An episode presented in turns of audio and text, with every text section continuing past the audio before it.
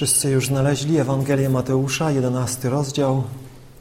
Przeczytajmy ostatnie wiersze z tego 11 rozdziału, poczynając od wiersza 28.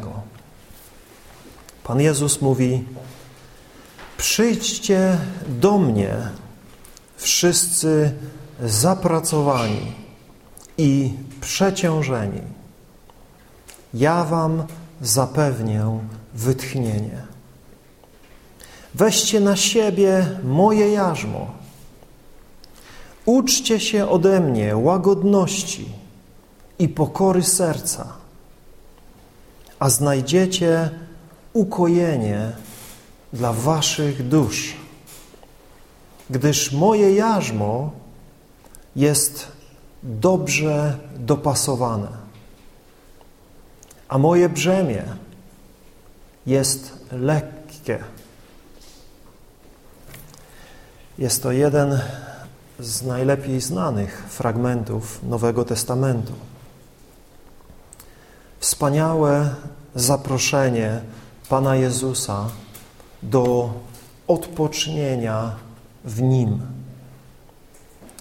Dwa tygodnie temu mówiliśmy o starotestamentowym szabacie jako znaku przymierza między Bogiem a ludem Izraela oraz o tym, jak starotestamentowy szabat był cieniem i zapowiedzią pełni odpocznienia, jakie jest w Jezusie.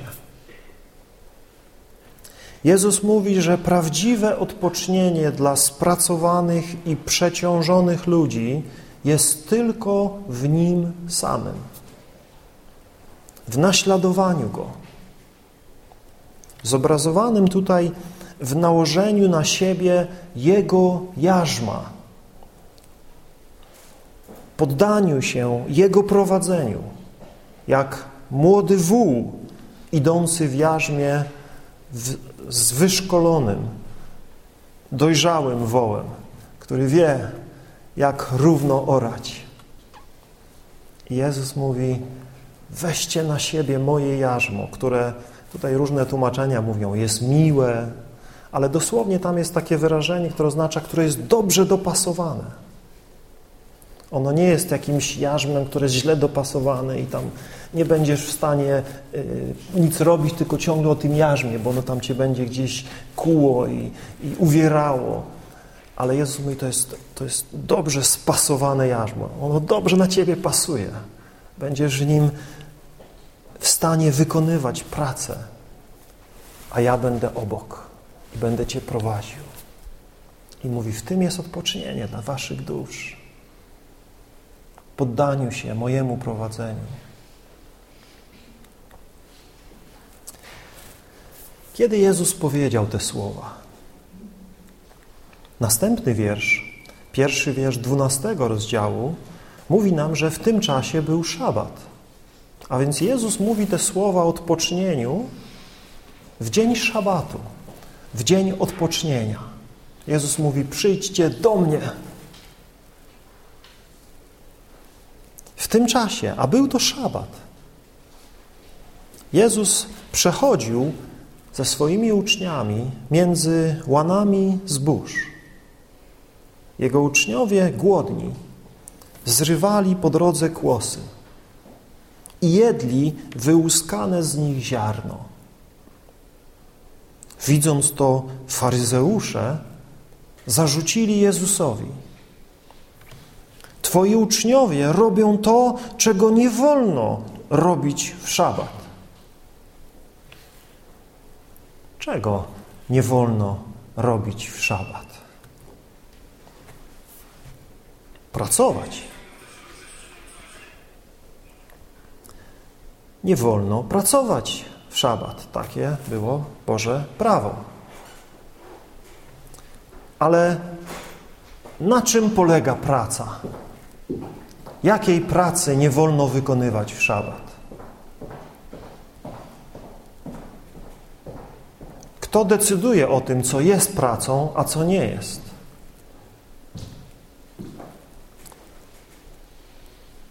Bóg powiedział, sześć dni będziesz pracował, a siódmego dnia jest szabat, dzień odpoczynku.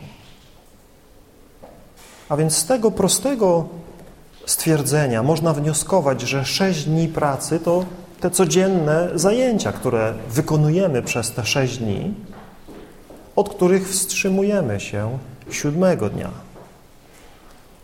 A więc pojawiają się pytania, czy w takim razie w szabat można przygotować sobie posiłek? Czy można komuś przygotować posiłek? A w zimie, czy można narąbać drewna i rozpalić w piecu i dokładać do pieca? Czy to już jest praca i nie wolno tego robić, bo jest szabat? A można kopać ziemię w swoim ogrodzie? Jeśli cały tydzień siedzę i pracuję przy komputerze, czy jeśli jestem cieślą, to mogę w, w szabat coś innego zrobić? Pokopać w ogrodzie? Posadzić warzywa? Czy nie wolno tego robić w szabat? Kto decyduje o tym, co się mieści pod pojęciem pracy? Żydowscy rabini długo się nad tym zastanawiali i debatowali nad szczegółowym ustaleniem tego, co jest pracą, a co nie jest. I w rezultacie doszli do ustalenia 39 czynności, które uznali za pracę. I jako taką zabraniali jej wykonywania w dzień szabatu. Niektórzy gorliwi Żydzi, jak Esseńczycy, mieli dużo dłuższą listę zakazanych czynności na dzień szabatu. Faryzeusze zarzucili Jezusowi, że jego uczniowie robili to, czego nie wolno robić w szabat, a więc to, co robili na ich liście, znajdowało się tych 39 czynności. Nie wolno głodnym zrywać kłosów i jeść. Czy rzeczywiście nie wolno? Czy rzeczywiście nie wolno nic robić w szabat takiego? Według interpretacji faryzeuszów to zaliczało się do pracy na roli, robienia żniw i młócenia. Wyobrażacie sobie? Zerwanie paru kłosów i rozkruszenie ich w rękach i zjedzenie. O, to na ich liście było. Zakaz pracy na roli, zakaz zrobienia żniw, zakaz młócenia. Twoi uczniowie robią to, czego nie wolno robić w szabat. Pan Jezus, zamiast bronić swoich uczniów, wyjaśniając faryzeuszom, że jego uczniowie wcale nie robią żniw i nie młócą ziarna, zadaje faryzeuszom proste pytanie. A czy nie czytaliście o tym, co uczynił Dawid, gdy był głodny? On sam i jego towarzysze? Wyobrażacie sobie, jaki to policzek dla szkolonych w piśmie faryzeuszy? Jezus pyta, nie czytaliście? Jak to? Oczywiście, że czytaliśmy. Wiele razy czytaliśmy. Dobrze wiemy, co zrobił Dawid i jego towarzysze, jak weszli do domu Bożego, zjedli chleby obecności, których nie wolno spożywać ani jemu, ani jego towarzyszom, tylko samym kapłanom. Tak, Jezus im mówi o tym, co Dawid zrobił. Co zrobili jego towarzysze. Mówi, nie czytaliście? I myślę, że faryzeusze myślą, ciak, ciak, ciak, ciak, ciak. Ale jaki, co to ma wspólnego z szabatem? Co to ma wspólnego z obchodzeniem szabatu? Że Dawid szedł i zjadł chleby pokładne. O co chodzi? Hmm. Wielu ludzi czyta Biblię i totalnie nie rozumie, o czym w niej mowa. Potrafią cytować wyrwane z kontekstu wersety biblijne, ale nie umieją połączyć ze sobą faktów, historii, Bożych pouczeń i wyciągnąć z nich właściwych, praktycznych wniosków. O co chodzi Jezusowi, gdy przywołuje przykład Dawida i jego towarzyszy, jego towarzyszów, jedzących chleb z Bożej świątyni, przeznaczony do jedzenia jedynie przez kapłanów. Czy Dawid złamał Boże prawo, jedząc ten chleb?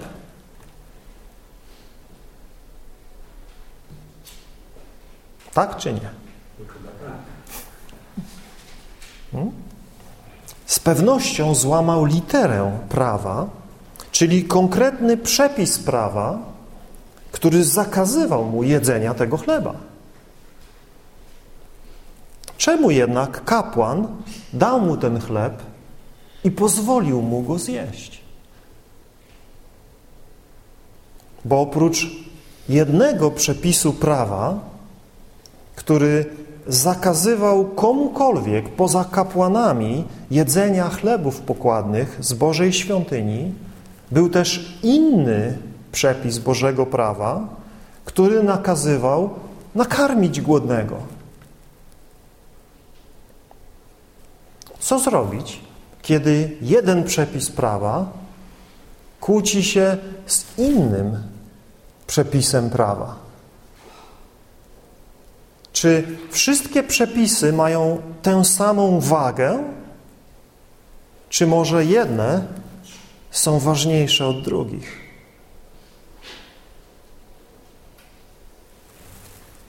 Niektórzy uważają, że wszystkie Boże przykazania mają taką samą wagę i każde uchybienie, bez względu na okoliczności, zasługuje na taką samą karę. Zapłatą za grzech jest śmierć i nie ma żadnych okoliczności łagodzących. No ale co zrobić, kiedy jeden przepis prawa kłóci się z drugim. Kiedy powstają takie okoliczności, w których jeśli zrobimy jedną rzecz, to złamiemy jakiś przepis prawa, a jeśli zrobimy inną rzecz, złamiemy inny przepis prawa. Co mamy zrobić, kiedy przychodzą do nas żołnierze w Jerychu, a my mamy ukrytych zwiadowców Izraela, w naszym domu. Czy mamy im powiedzieć prawdę, że oni są ukryci w naszym domu, czy możemy skłamać? Czy mamy powiedzieć prawdę i spowodować ich śmierć? Czy możemy w tego typu sytuacji skłamać i zachować i ratować im życie? To są trudne dylematy.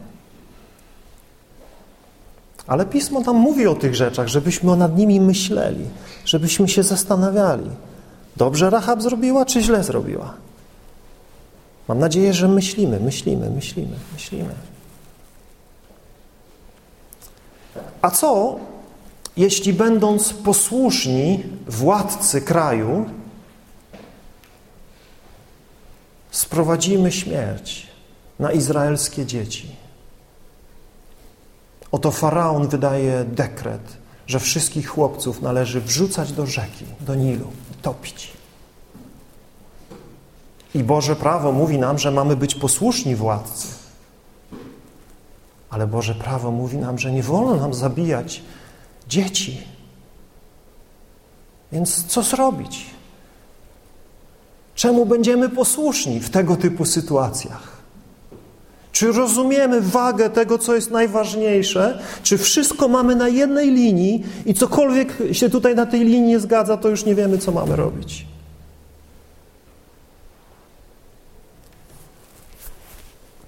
Czy można nakarmić Bożego sługę świętym chlebem, przeznaczonym tylko dla kapłanów, jeśli nie masz nic innego do zaoferowania. Owszem, gdybyś miał jakiś inny chleb, gdybyś miał coś innego, to byś nie dawał tego chleba. Ale co w sytuacji, kiedy nie masz nic innego? Masz tylko to.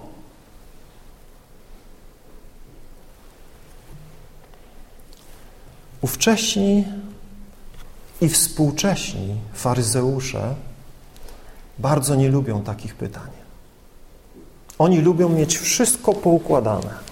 Swoją listę rozwijają, 39 zakazów i nakazów i patrzą, czy to jest na liście. O, jest, punkt siódmy, dobra, punkt dziewiąty, punkt dwudziesty piąty. Najlepiej mieć listę na wszystko, zdecydować, to wolno, tego nie wolno. Dotąd spódnicę, dotąd spódnicę, dotąd włosy, dotąd włosy. Tak się czesać, tak się czesać. Najlepiej wszystko poustawiać, mieć kazusy na każdą jedną sprawę.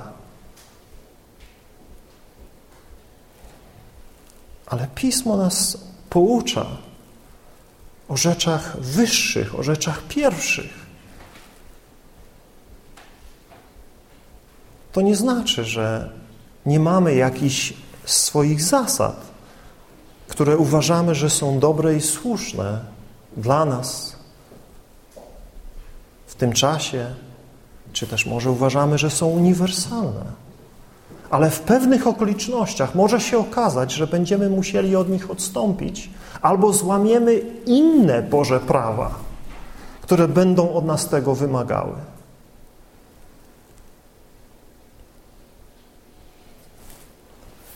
Jezus nie kończy na tym. Ciągnie dalej i zadaje kolejne pytanie. Albo mówi, czy nie czytaliście w prawie, że w dzień szabatu w świątyni kapłani łamią szabat. Tu jest dosłownie powiedziane bezczeszczą szabat. Jezus mówi w ten sposób. W dzień szabatu, mówi, w świątyni, a więc w najświętszym miejscu na ziemi w tamtym czasie, w rozumieniu Żydów, kapłani w szabat bezczeszczą szabat. I Jezus mówi, co? I są niewinni. I są niewinni. Skoro w szabat nie wolno pracować, to dlaczego kapłani pracują w świątyni i to jeszcze więcej niż w dni powszednie?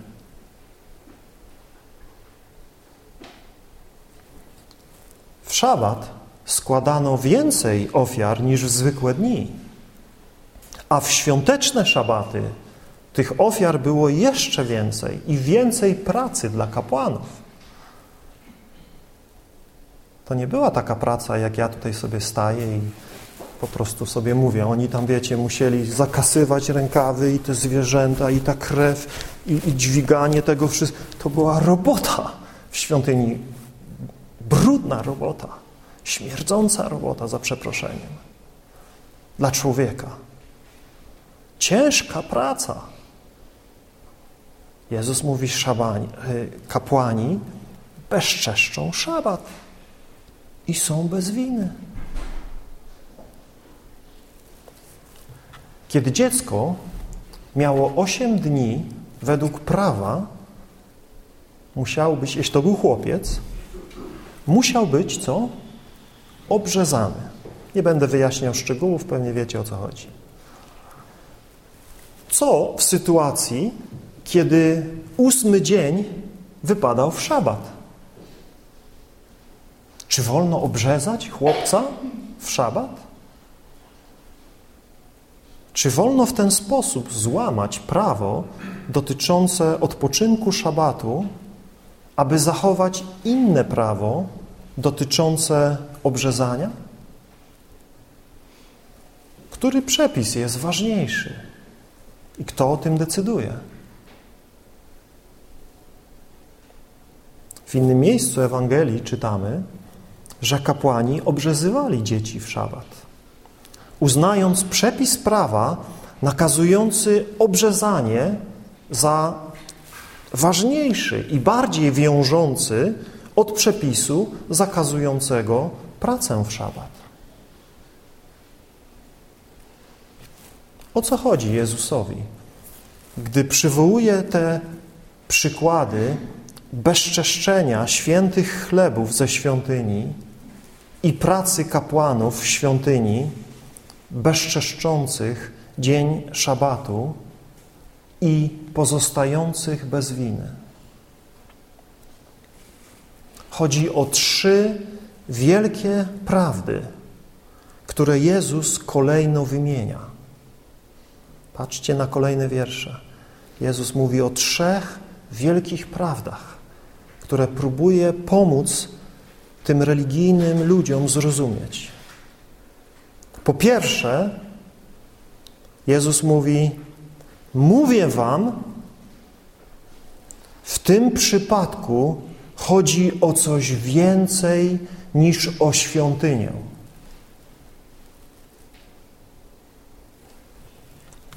Faryzeusze myślą, że bronią Bożego prawa i świętości szabatu, atakując Jezusa i Jego uczniów, tak jak dzisiaj wielu religijnych sabatarian atakuje uczniów Jezusa, dlatego że nie obchodzą szabatu tak jak oni twierdzą, że powinno się go obchodzić. Od zachodu słońca w piątek do zachodu słońca w sobotę. Jezus jednak wskazuje na łamanie szabatu w świątyni przez kapłanów, którzy są bez winy i twierdzi, że oto przed nimi stoi ktoś, kto ma większe znaczenie niż sama świątynia.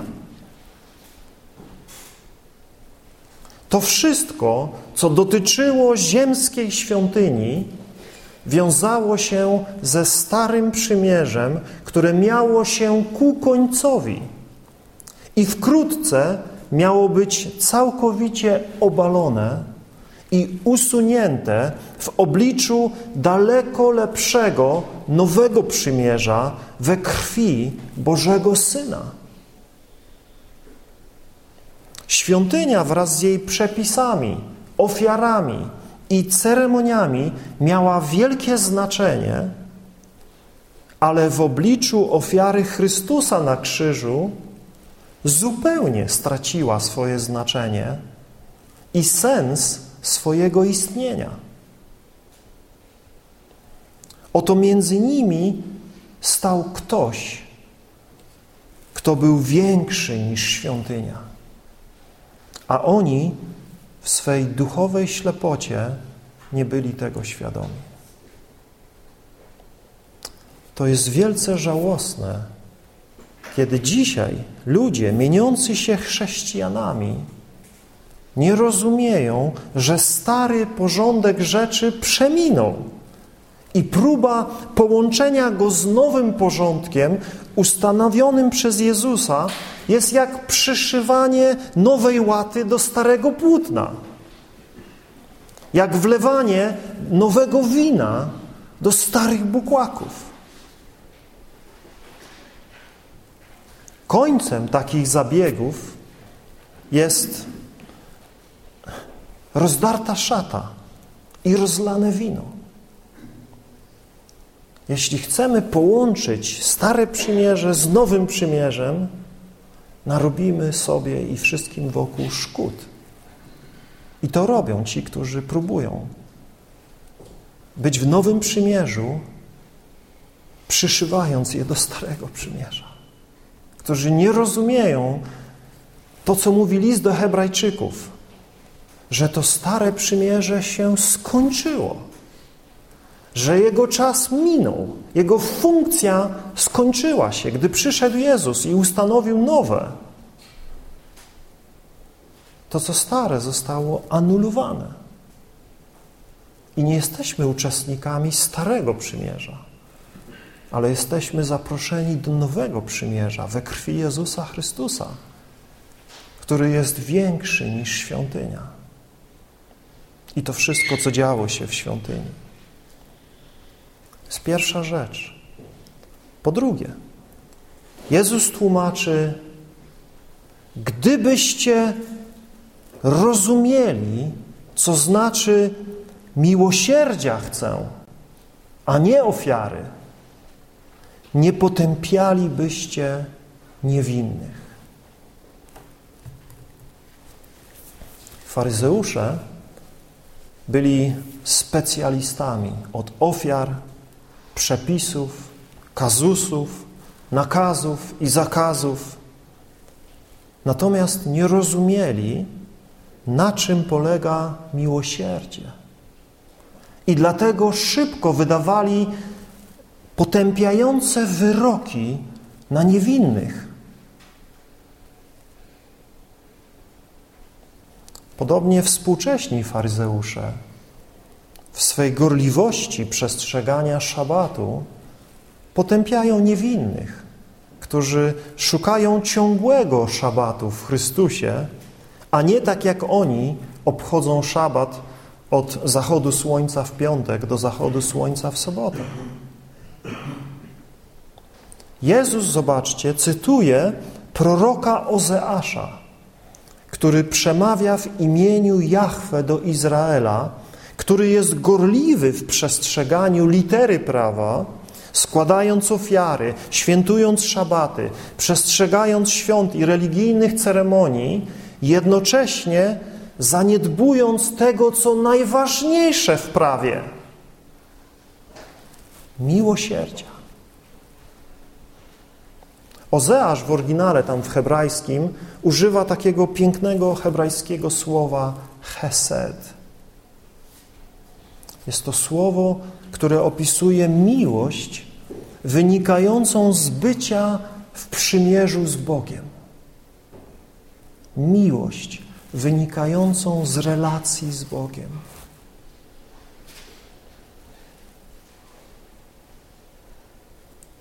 Miłość w ocenie Boga jest najwyższą wartością. Pierwsze i największe przykazanie mówi o miłości Boga z całego serca, z każdej myśli i ze wszystkich sił. Wszystkimi aspektami ludzkiego jestestwa. Bóg przez Ozeasza nie neguje wartości ofiar składanych w świątyni. Kiedy Bóg mówi, miłosierdzia chcę, a nie ofiary, to nie oznacza, że Bóg nie chce tych ofiar, że Bóg nie chce tych wszystkich rzeczy w świątyni. Bóg tego nie anuluje wtedy. Bóg mówi, bardziej chcę miłosierdzia niż ofiary. Jeśli przynosicie mi tylko ofiary, a nie ma miłosierdzia, to ja tego nie chcę. Gdyż bardziej zależy mi na miłosierdziu. Bracia i siostry, to bardzo ważna zasada. Byśmy to rozumieli, że są rzeczy, których Bóg bardziej pragnie niż innych. Chociaż mówi w swoim słowie o wszystkich. I nie wolno nam zaniedbywać niczego. Ale w obliczu wielu sytuacji, jakże ważne jest, byśmy wiedzieli, co jest pierwsze, co jest nadrzędne żebyśmy nie byli płaskimi ludźmi, którzy wszystko mają na jednym poziomie i nie rozróżniają tego, co Bóg wyraźnie mówi, że jest inne. Więcej, mówi nam, że jeśli będziemy robili pewne rzeczy, a będziemy zaniedbywali inne, te dobre rzeczy, które możemy robić, mogą stać się czymś obrzydliwym dla Boga. Mogą stać się czymś, na co Bóg nie chce patrzeć, czego nie chce słuchać, z czym nie chce mieć nic do czynienia. Jeśli przychodzisz tutaj z brudnym sercem, to możesz mieć najpiękniejszy głos i możesz najpiękniej śpiewać, możesz elokwentnie się modlić, możesz czytać piękne wersety z Biblii. Ale jeśli Twoje serce jest nieczyste, jeśli Twoje życie nie jest czyste, jeśli nie masz miłości, jeśli nie jesteś człowiekiem miłosiernym, to myślisz, że Twoje słowa, Twoje emocje robią jakiekolwiek wrażenie na Bogu. O tym Bóg mówi przez Ozeasza, kiedy mówi miłosierdzia chce, a nie ofiary. Daleko ważniejsze jest miłosierdzie niż ofiara. Król Saul, pamiętacie swego czasu, złożył ofiary, żeby Bóg mu pomógł w, wo w wojnie z Filistynami. Ale uczynił to w akcie nieposłuszeństwa. Uczynił to jako król Izraela, a nie jako kapłan. I kiedy Samuel przyszedł i zobaczył to, powiedział do niego: Głupcze, zrobiłeś wielką głupotę, gdyż Bóg bardziej chce posłuszeństwa niż ofiary. Powiedziałem ci, czekaj na mnie, przyjdę i złożę ofiarę. Samuel mówi do niego. A ty się postawiłeś w miejscu kapłana Bożego. I dlatego Bóg cię odrzucił. Widzicie, ten człowiek też był bardzo religijny. Saul był religijnym człowiekiem, szczególnie na początku swojej drogi. I wydawało mu się, że nie jest to słuszne, by przystępować do wojny bez złożenia ofiar i poproszenia Boga o Jego przychylność i Jego błogosławieństwo. Ale tutaj zrobił krok w kierunku, którym nigdy nie powinien był iść. Przekroczył Boże prawo w sferze, która dla Boga była dużo ważniejsza niż złożenie czy niezłożenie ofiar przed bitwą. Musimy to rozumieć, bracia i siostry, że są pewne rzeczy, które są właściwe w pewnych okolicznościach, ale które nie są właściwe w innych. Czy też to, to często wynika po prostu z braku znajomości całego Pisma. To jest właśnie błąd ludzi, którzy wyrywkowo traktują Pismo i szczególnie mają swoje ulubione rzeczy w Piśmie. I te są dla nich najważniejsze, pierwsze. O nich ciągle mówią, ale nie, ale nie widzą wszystkich innych, które mówią, ale zobacz, jeszcze jest tu, jeszcze jest tu, jeszcze jest tu. I musisz wyciągnąć lekcje ze wszystkiego. Musisz poznać Boga w Jego zamysłach, w Jego sercu, w Jego pragnieniach, w, Jego, w tym, co jest Jemu miłe. I tego nade wszystko szukać. Bóg przez Ozasza nie neguje wartości ofiar składanych w świątyni, ale wskazuje na to, co jest ważniejsze od tych ofiar. Miłość, miłosierdzie. Gdyby faryzeusze mieli miłosierne serca, to dostrzegliby głód uczniów Jezusa i uznali, że zerwanie paru kłosów i łuskanie ich, by się posilić, nie jest łamaniem szabatu. Miłosierdzie szuka dobra drugiego człowieka i jest bardzo ostrożne z jakimkolwiek potępianiem ludzi. Ówcześni i współcześni faryzeusze są szybcy w krytykowaniu każdego, kto się z nimi nie zgadza. I bez zająknięcia wydają wyroki potępienia na wszystkich, którzy śmią mieć inne niż oni zdanie na temat właściwego obchodzenia szabatu czy tego typu kwestii.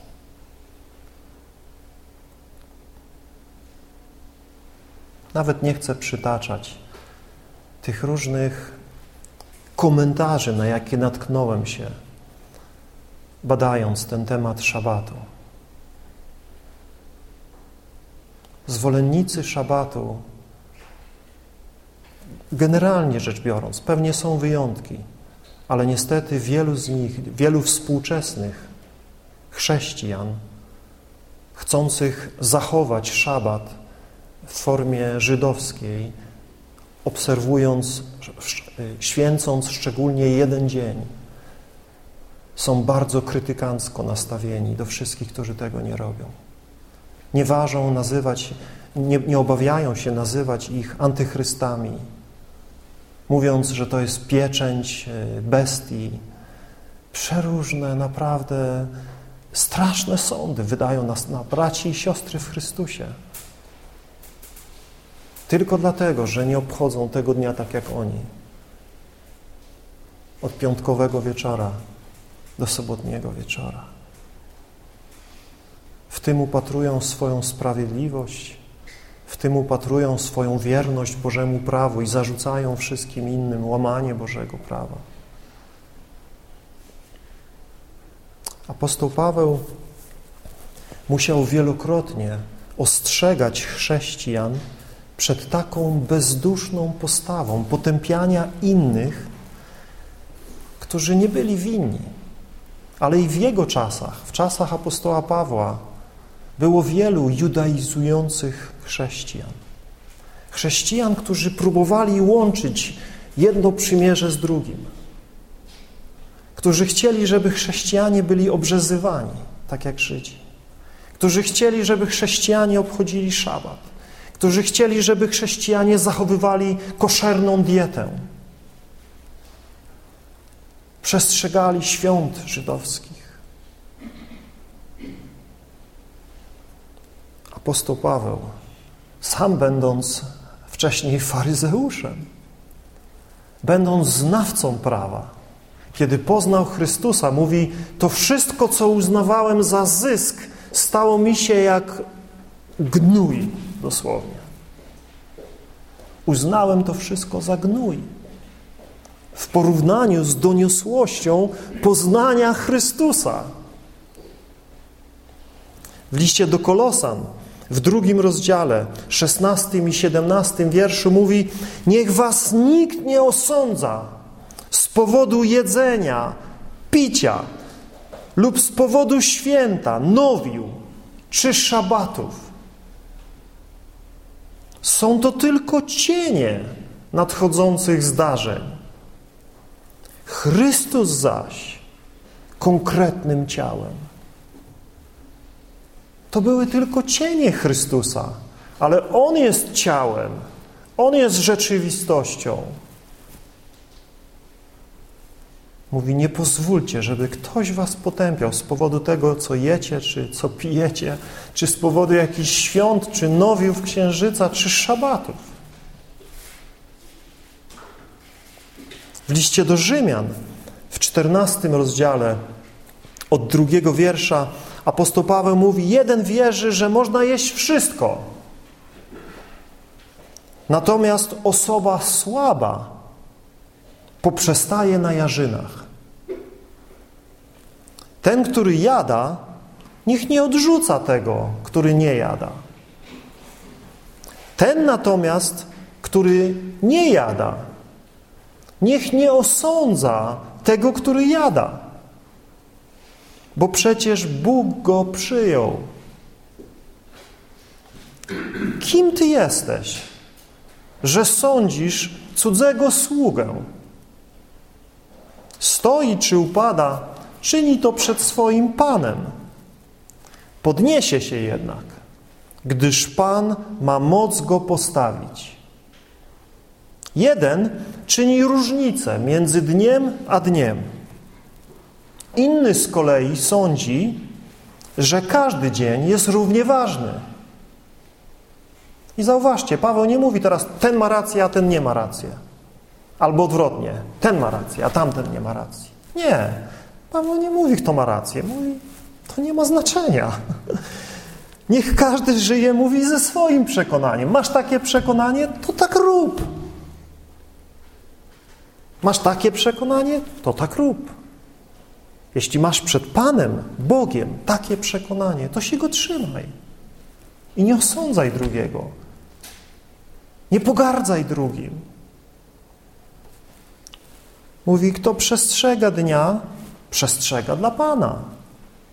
Kto jada, czyni to dla Niego, gdyż dziękuję Bogu. Kto nie jada, też nie jada dla Pana. I dziękuję Bogu. Nikt z nas przecież dla samego siebie nie żyje ani nie umiera. I tutaj Paweł ma na myśli prawdziwych chrześcijan. Mówi, Boże, bo jeśli żyjemy, dla Pana żyjemy. I jeśli umieramy, dla Pana umieramy. Czy więc żyjemy, czy umieramy, mówi, należy, należymy do Niego. Chrystus po to umarł i zmartwychwstał, aby panować nad umarłymi oraz nad żywymi. Dlaczego więc osądzasz swojego brata? Albo dlaczego go odrzucasz? Wszyscy przecież staniemy przed boskim trybunałem. Mówią o tym słowa. Jako żyje, mówi Pan, zegnie się przede mną wszelkie kolano i wszelki język wyzna Boga. A zatem, taka jest konkluzja tego wszystkiego, co Paweł tu pisze. A zatem, każdy z nas za samego siebie zda sprawę przed Bogiem. Przestańmy więc się osądzać. Raczej zastanówmy się, jak nie dawać bratu powodu do potknięcia lub wywołania skandalu. Kochani, strzeżmy się osądzania naszych braci i sióstr w Chrystusie, którzy inaczej podchodzą do kwestii zewnętrznych, obrzędowych, jak pokarmy, święta czy szabaty. Nie sądźmy innych, nie odrzucajmy ich, nie garćmy nimi, dlatego że pewne rzeczy widzą inaczej niż my. Miłujmy ich i módlmy się za nimi i za sobą, aby nasz dobry Pan dał nam wszystkim celować w tym, co najważniejsze, w prawdziwej miłości i płynącej z niej radosnego posłuszeństwa naszemu Panu.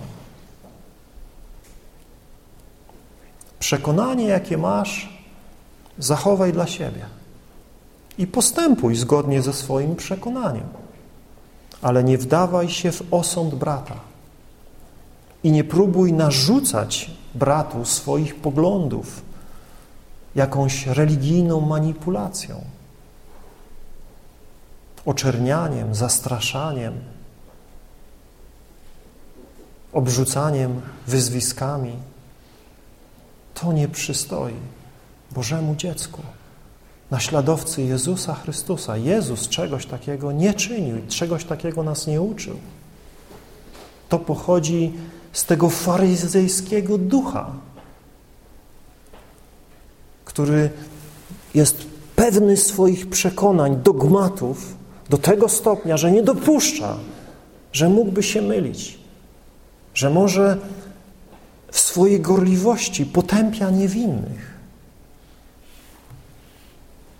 Trzecia wielka prawda, którą Jezus przedstawia faryzeuszom brzmi Syn Człowieczy jest Panem Szabatu. Co to znaczy?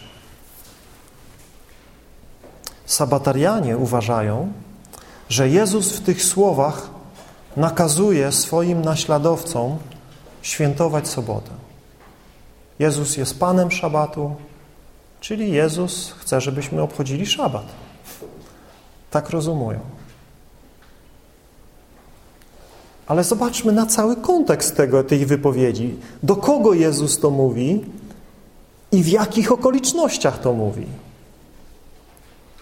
Faryzeusze zarzucają mu, że jego uczniowie czynią to, czego nie wolno robić w szabat.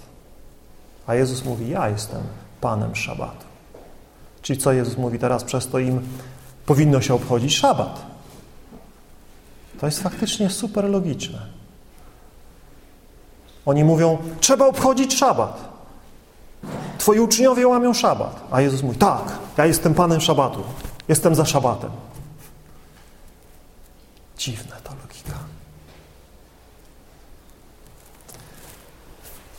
Po co Jezus mówi te słowa w konfrontacji z faryzeuszami, którzy byli gorliwymi obrońcami przestrzegania szabatu? Jezus nie mówi tych, tych słów w sporze z ludźmi, którzy chcą odrzucić szabat, ale tłumaczy zwolennikom szabatu jego prawdziwe znaczenie, jego prawdziwy sens. Kto może nazywać się Panem Szabatu?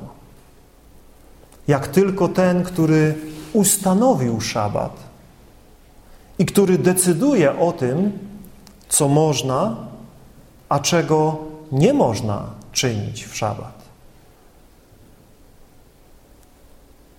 Każdy wierzący Żyd potwierdzi, że tylko prawdziwy Bóg Jahwe jest Panem Szabatu. I tylko On. To Bóg, jak widzieliśmy na samym początku w Księdze Rodzaju, mówi o swoim szabacie. Szabat należy do Niego. To Jahwe Bóg oddzielił siódmy dzień od pozostałych i go poświęcił. To On jest Panem Szabatu. Jezus, twierdząc, że jest Panem Szabatu, jawnie twierdzi, że jest Bogiem. Bogiem, który ustanowił Szabat i zdecydował o tym, jak ten szabat ma być święcony i czemu ma służyć. Zauważcie argumentację Jezusa w tych słowach. Jezus mówi, kto jest większy niż świątynia? Tylko Bóg, dla którego ta świątynia istnieje. Kto jest Panem Szabatu? Tylko Bóg, który jest Jego ustawodawcą. W Księdze Daniela, w siódmym rozdziale, czytamy o przemijających królestwach tej ziemi, a w wierszach trzynastym i czternastym czytamy o kimś podobnym do Syna Człowieczego, któremu dano władzę i chwałę i rozpoczął panowanie i czciły go wszystkie narody,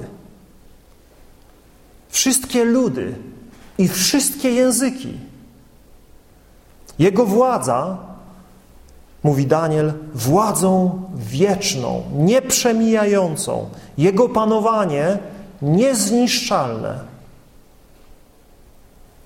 Syn człowieczy jest proroczym tytułem Mesjasza, namaszczonego Bożego Syna, który stał się człowiekiem i który ustanawia swoje królestwo i ogłasza Jego zasady, Jego panowanie w tym królestwie.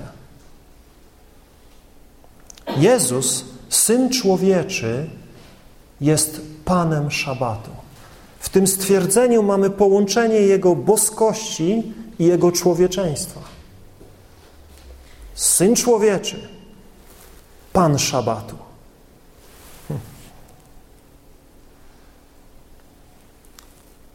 On ustanowił szabat, aby szabat mu służył. Zauważcie, kiedy Pismo mówi o panowaniu Boga, to mówi o tych wszystkich, którzy Mu służą. Jeśli Jezus jest naszym Panem, to znaczy, że co? My jesteśmy Jego sługami, my mamy Jemu służyć. My jesteśmy w tym celu uczynieni, czytamy, do dobrych uczynków, aby Mu służyć, aby Go chwalić, aby Go wielbić. Kiedy Jezus mówi, że jest Panem Szabatu, to mówi o tym, że Sabat ma Jemu służyć. Szabat ma jakiś cel do wykonania dla Jezusa. Podobnie jak wszystkie inne świąteczne dni i towarzyszące im ceremonie zapowiadały jakieś cechy lub dzieła Jezusa, taki szabat. Szabat miał ważną, służebną rolę zapowiadania prawdziwego odpocznienia w Jezusie.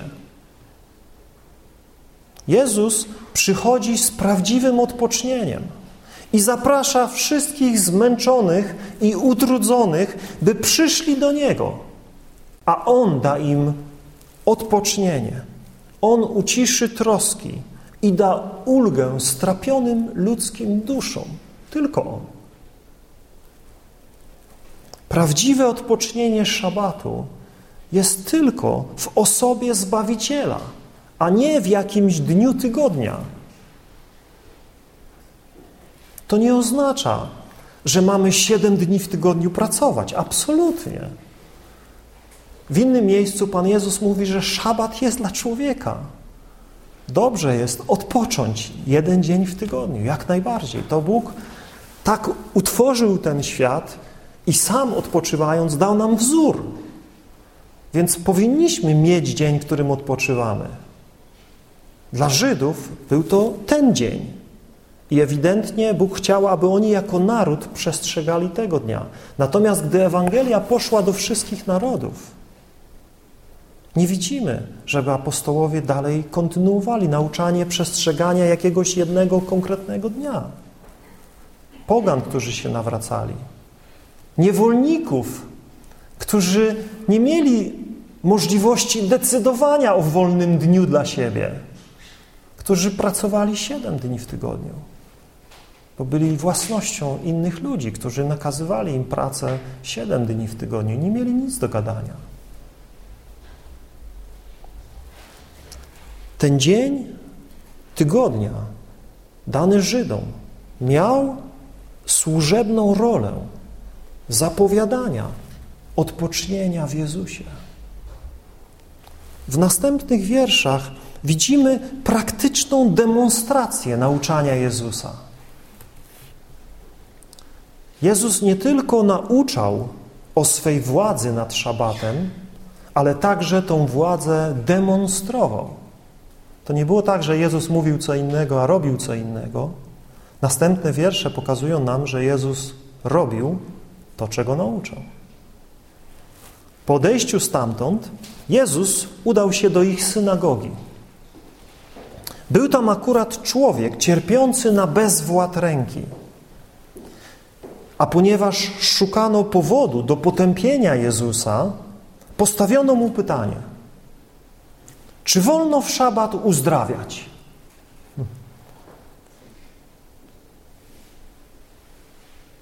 Według tradycji, czyli nauk żydowskich starszych, w szabat można było leczyć umierających i pomagać chorym w sytuacji, gdy brak pomocy groził śmiercią. Więc oni mówili, w szabat wolno tylko zajmować się tymi, którzy jeśli się nimi nie zajmiesz, to umrą. W innych wypadkach nie. Tu natomiast mamy człowieka z bezwładem ręki, więc to nie grozi śmiercią. I ten człowiek, według żydowskiej tradycji, mógł poczekać z prośbą o uzdrowienie na inny dzień tygodnia. Zresztą widzimy tam w jednej sytuacji tego przełożonego synagogi, który mówi, macie sześć dni, przychodźcie po uzdrowienie w inne dni, a nie w szabat. Mógł przyjść, przyjść inny dzień tygodnia. Jezus mógł go uzdrowić w inny dzień tygodnia, a nie zakłócać odpoczynek szabatu. Widzicie, oni przychodzą do Jezusa i, i teraz mówią, a mamy Cię, mamy Cię. Teraz pamiętają, co wcześniej powiedział i mówią, no teraz widzą człowieka, tak, jest człowiek z tą właśnie bezwładną ręką i mówią do niego, no to co, wolno w szabat uzdrawiać? Zaprzeczysz nauce starszych?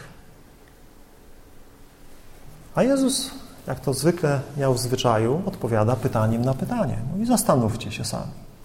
Sami sobie odpowiedzcie. Gdyby ktoś z was miał jedną owcę i ta w szabat wpadłaby do jakiegoś dołu, to co, zostawi ją nam? Czy raczej będzie próbował ją wyciągnąć, choćby to nie wiadomo ile siły wymagało, ile pracy trzeba w to włożyć? A? Zastanówcie się, co zrobicie w takiej sytuacji? No wiadomo, żeby próbowali ją wyciągnąć. Bo prawo i miłosierdzie też to nakazywały. Prawo mówiło, że trzeba ratować takie zwierzę. I miłosierdzie nie pozwoli ci zostawić zwierzaka, który wpadnie do dołu i tam kwiczy i, i coś mu się może stać. Kiedy litera prawa wchodzi w konflikt z miłosierdziem, to według Boga miłosierdzie góruje nad prawem. Pamiętajmy o tym. Miłosierdzie góruje nad prawem. Jeśli szabat może być zbezczeszczony, by ratować życie zwierzęcia, o ileż bardziej, by pomóc człowiekowi. Bo przecież człowiek znaczy więcej niż owca, mówi dalej Jezus. Człowiek jest więcej wart niż owca. To nie oznacza, że w imię miłosierdzia teraz można dowolnie manipulować prawem i anulować jego przepisy, tłumacząc wszystko najwyższym dobrem człowieka, szczęściem człowieka i spełnieniem człowieka. Jezus nie o tym mówi. Jezus mówi o sytuacji, gdzie człowiek jest w potrzebie i można mu pomóc. I się tego nie robi z powodu jakichś przepisów prawa. O tym mówimy. Więc nie, nie, nie bierzmy teraz tego, co Jezus mówi do każdej sytuacji i mówmy o najważniejsze, żeby człowiek był szczęśliwy, najważniejsze, żeby człowiek był spełniony, nieważne, co prawo mówi. Nie, nie, nie, nie, nie. Jezus nie o tym mówi. Ale kiedy życie, czy nawet zdrowie człowieka jest zagrożone, to religijne trzymanie się litery przepisów prawa jest niegodziwością. Nawet świeckie prawo respektuje tą oczywistą zasadę, że można złamać prawo w jakichś przypadkach, żeby ratować życie ludzkie. Nawet świeckie sądy to uznają. A niektórzy współcześni faryzeusze tego totalnie nie widzą, nie rozumieją. Jakże więc tragiczne jest wymaganie adwentystów i innych sabatarian, by chrześcijanie narażali swe życie, żeby tylko świętować sobotę. Są książki, możecie przeczytać, świadectwa adwentystów, którzy w czasie wojny narażali swe życie, żeby tylko świętować sobotę. I uważali, że to takie wielkie świadectwo, że książki o tym trzeba pisać. Jeśli nakażesz chrześcijanom w krajach muzułmańskich świętować sobotę zamiast piątku, to skażesz ich na śmierć.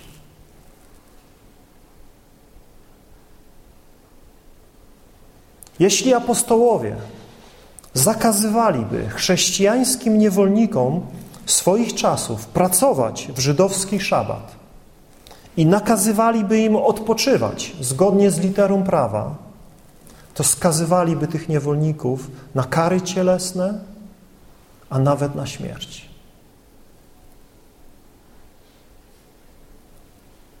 Jednak mimo, że pierwszy Kościół w wielkiej mierze składał się z niewolników, nie czytamy nigdzie, by apostołowie nakazywali im bunt wobec swoich panów w kwestii przestrzegania szabatu i żeby zaniech, zaniechali pracy w szabat. Wręcz przeciwnie. Niewolnicy są wzywani do pokornego, do pokornego posłuszeństwa swym panom, mimo że wielu z nich było, ich panów, było bezbożnymi Rzymianami, którzy w ogóle nie liczyli się z obchodzeniem szabatu. Zobaczcie, że Jezus postawił ratunek owcy ponad odpoczynkiem szabatu i dobitnie stwierdził, że w szabat wolno dobrze czynić. Następnie zwrócił się do chorego i powiedział: Wyciągnij rękę przed siebie. I ten człowiek wyciągnął. Odzyskał taką samą władzę w tej ręce, jak w drugiej. Faryzeusze bardzo się ucieszyli i rzucili się Jezusowi na szyję, całując Go i dziękując Mu. Tak czytacie? To chyba byłoby normalne, żeby tak zareagować.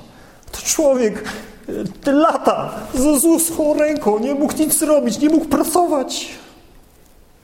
Według żydowskiej tradycji był, był takim człowiekiem, który budował, budowniczym.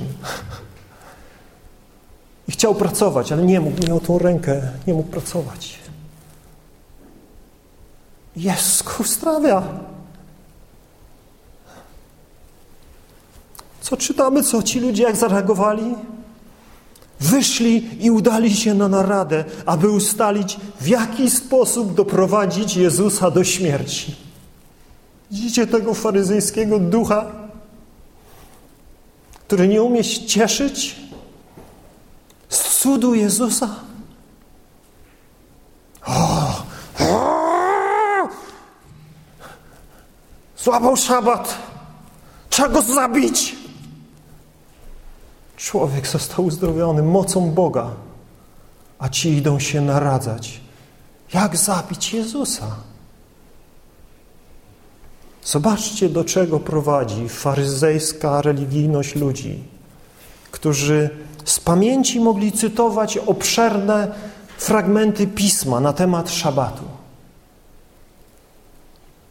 Jezus w szabat uzdrawia człowieka, a religijni ludzie zamiast się cieszyć i chwalić Boga, planują zagładę ich Zbawiciela.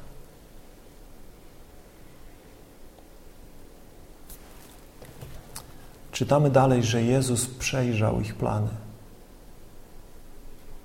Wiedział, co planują.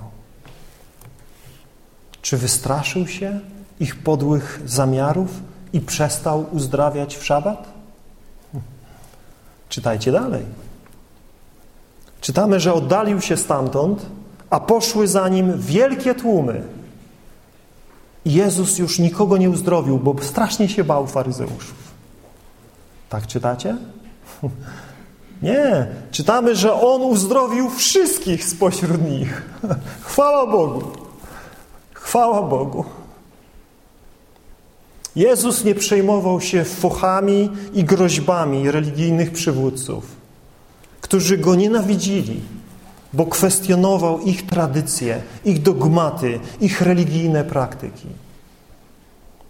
Kochani bracia i siostry, naśladujmy Jezusa.